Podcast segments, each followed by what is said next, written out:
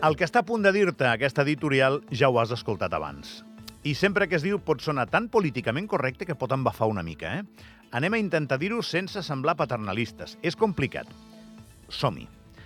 Si tens oportunitat, és bo que vagis a votar. Au, ja està dit. La democràcia és un múscul que, si no s'utilitza i s'entrena, s'atròfia. I segons tots els tractats d'entrenament en democràcia, escrits fins a la data, la millor manera d'estar en forma és participant. Votant, dient la teva cada vegada que t'ho demanin, en unes eleccions, en un referèndum, o si s'escullen o si s'escull el president de la teva comunitat de veïns. Si tens oportunitat, vota.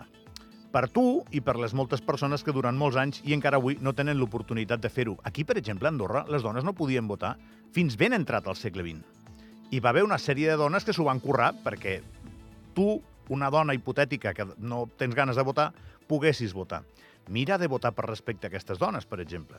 I us estic dient això sabent que diumenge les dades de participació tornaran a oferir la imatge d'una Andorra que cada cop vota menys i que cada cop s'assembla més als països grans quan la criden a les urnes.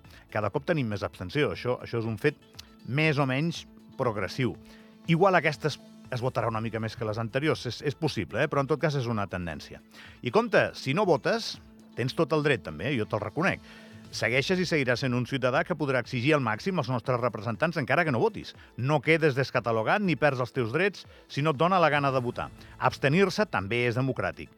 Però no és bo per la democràcia que no votis, tan senzill com això. D'avui per demà et pot semblar que no estàs sacrificant res si no votes. Podràs seguir amb la teva vida o fer com si el que surt a les urnes no anés amb tu i sí que va amb tu.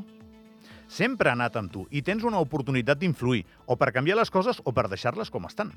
Aquest país nostre, tan singular, tan particular, amb tantes coses que ens agraden i coses que canviaríem, com a tot arreu, no ens enganyem, és un país que compta amb un dels parlaments més antics del món, amb un sistema una mica arcaic fa segles, cert, però mentre que per tota Europa la gent s'anava matant per decidir qui feia què i qui manava, aquí els andorrans ja votàvem per les nostres coses.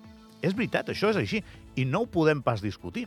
I cada cop que vas a votar hi ha un canal que et connecta amb la història del teu país i defenses una manera de fer. Votar és bo, i si no et dona la gana de votar perquè estàs fart dels polítics o perquè no creus en el sistema, i tens tot el dret, o per mandra, també tens dret. Però cada cop que facis això, que no votis, ens tindràs allà al davant amb un somriure, recordant-te que és millor que votis.